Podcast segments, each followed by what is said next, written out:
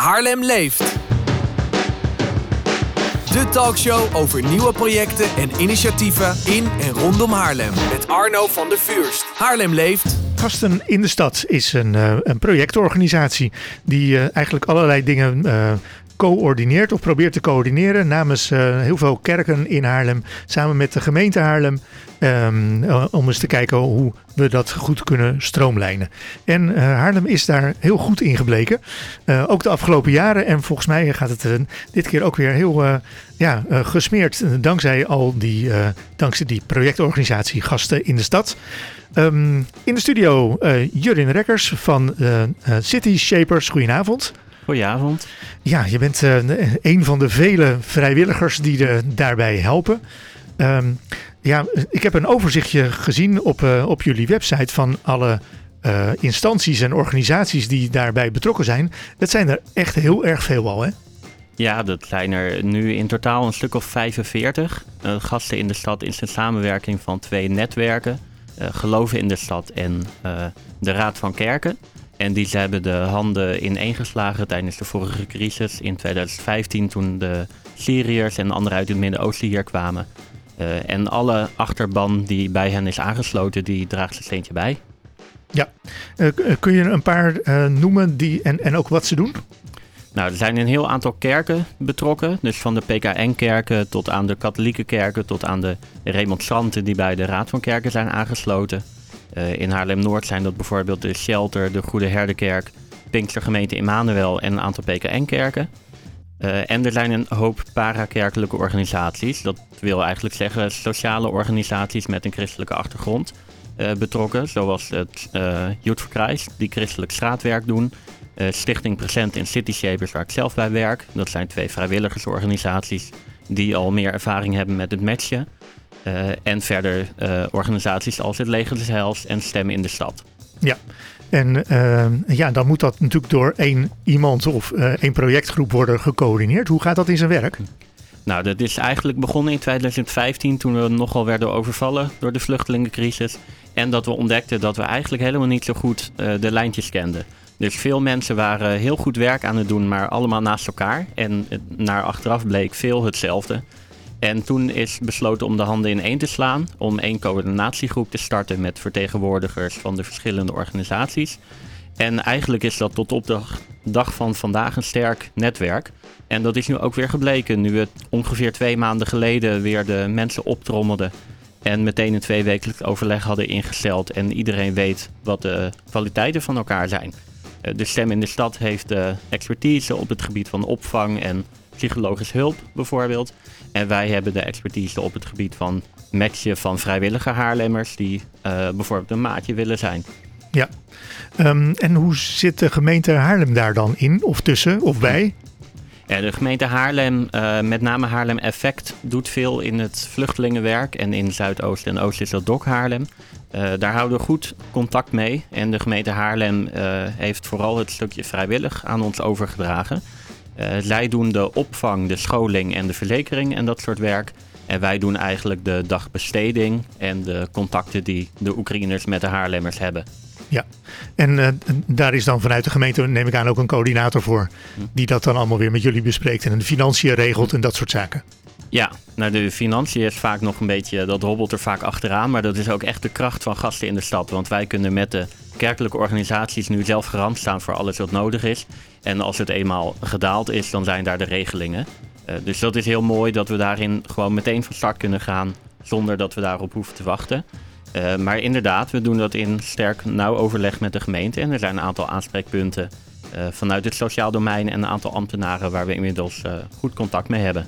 Ja, hebben jullie bijvoorbeeld een, een voorbeeld aan andere steden of is, is Haarlem daar heel erg goed in?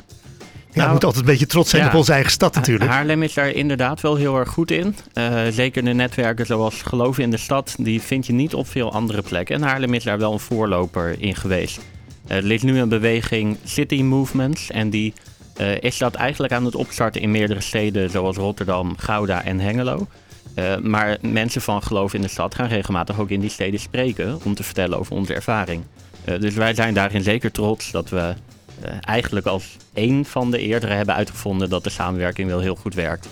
bij iedere ja, crisis of als er dan weer mensen komen, moeten er natuurlijk altijd heel veel dingen geregeld worden. Daar zijn jullie heel goed al mee bezig. Maar wat is er nou eigenlijk allemaal nog nodig? Nou, op het moment zijn we vooral bezig om uh, samen met het Rode Kruis en HVO Querido een informatiepunt op te zetten voor de Oekraïners. Sinds een paar dagen kunnen zij zich inschrijven bij de gemeente Haarlem en kunnen ze ook geholpen worden met praktische zorg. En het Rode Kruis en HVO Querido die regelen bijvoorbeeld medische zorg. Alleen is er vaak geen vervoer, want de medische zorg wordt op dit moment alleen nog geleverd op Schiphol. En er zijn dus regelmatig vervoersproblemen. Nou zijn we daarom erg op zoek naar mensen die bereid zijn om Oekraïners te vervoeren naar Schiphol. Maar ook voor andere vragen, zoals rondleidingen door de stad of gewoon sociaal contact. meegaan met de scoutinggroep van je zoontje bijvoorbeeld. daar proberen wij echt op maat uh, oplossingen voor te zoeken. Dus iedereen die wat te bieden heeft, sociaal of praktisch, daar horen we graag van, omdat wij dan op maat telefonisch de juiste vraag van de juiste Oekraïner bij je kunnen leggen. En is daar dan een speciaal um, nummer voor of een mailadres of een... Nou, op de website van cityshapers.nl uh, eh, kun je een knop vinden over de Oekraïne-hulp. En daar kun je een uh, Google-formulier invullen. En dan kan je onder andere ook je gegevens achterlaten en gewoon opmerkingen wat je eventueel te bieden hebt. En dan nemen wij contact met je op. Ja, dus dat zijn, dat zijn eigenlijk allerhande dingen van, uh, van spullen tot en met allerlei dingen die, om te, die je kunt doen om te helpen. Ja, klopt. Eigenlijk iedere vraag die de Oekraïners stellen bij zo'n punt. En dan kun je inderdaad aan alles denken wat ze in het dagelijks leven tegenkomen. Ja. Um, dan zijn er nog wat, ja, wat speciale dingen nodig. daar wilde je ook nog iets over zeggen. Ja, klopt. Um, er zijn ook nog mensen nodig die als gastheer en gastvrouw bijvoorbeeld willen functioneren. Daar zijn wel uh, op verschillende plekken is er nog behoefte aan. Er schieten nu als paddenstoelen schietende opvanglocaties uit de grond. Maar het aantal vrijwilligers is natuurlijk wat lastiger. en daarnaast is het belangrijk om te weten dat ook de groepen vluchtelingen die er al een aantal jaren zijn in de stad nog steeds zijn. Dus ook voor mensen die bijvoorbeeld taalles willen geven, waar de Oekraïners wat minder behoefte aan hebben, zijn er nog steeds hele grote groepen Syriërs die maar wat graag de taal willen leren. Uh, ook zijn er Eritreërs en mensen uit andere landen uit het Midden-Oosten. Dus ook die uh, moeten we vooral niet vergeten. Ja, en dan uh, zijn er natuurlijk ook mensen die wel privéwoonruimte willen aanbieden. Daar werd al een hm. beetje voor gewaarschuwd. Maar ook daar is een hm. organisatie voor die al je vragen kan beantwoorden. Ja, klopt. Daar is de landelijke organisatie Take Care BNB voor aangesteld. Zij doen een intake en een goede screening van iedereen die woonruimte wil aanbieden. En daar zijn we wel heel blij mee, want hoezeer we ook waarderen dat mensen privé Oekraïners opvangen.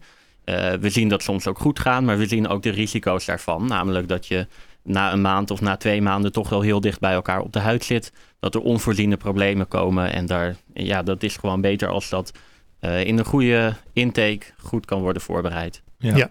Take Care B&B heeft ook al jaren goede ervaring en weet hoe ze dat moet aanpakken. Ik ken ook een Haarlems die, dat, uh, die dat doet. Dus dat is een goede club om het goed te matchen, zou ik maar zeggen. Dus, ja, klopt. Ja, zij kijken ook naar leeftijden van kinderen, andere achtergrond. Dus je kunt ook op een goede manier dan weten dat er een Oekraïens gezin of persoon komt die bij je past. Ja. Oké, nou er is nog een hele hoop te doen. Er is al veel gedaan, maar er is eh, vast nog uh, en er komt vast nog veel meer aan.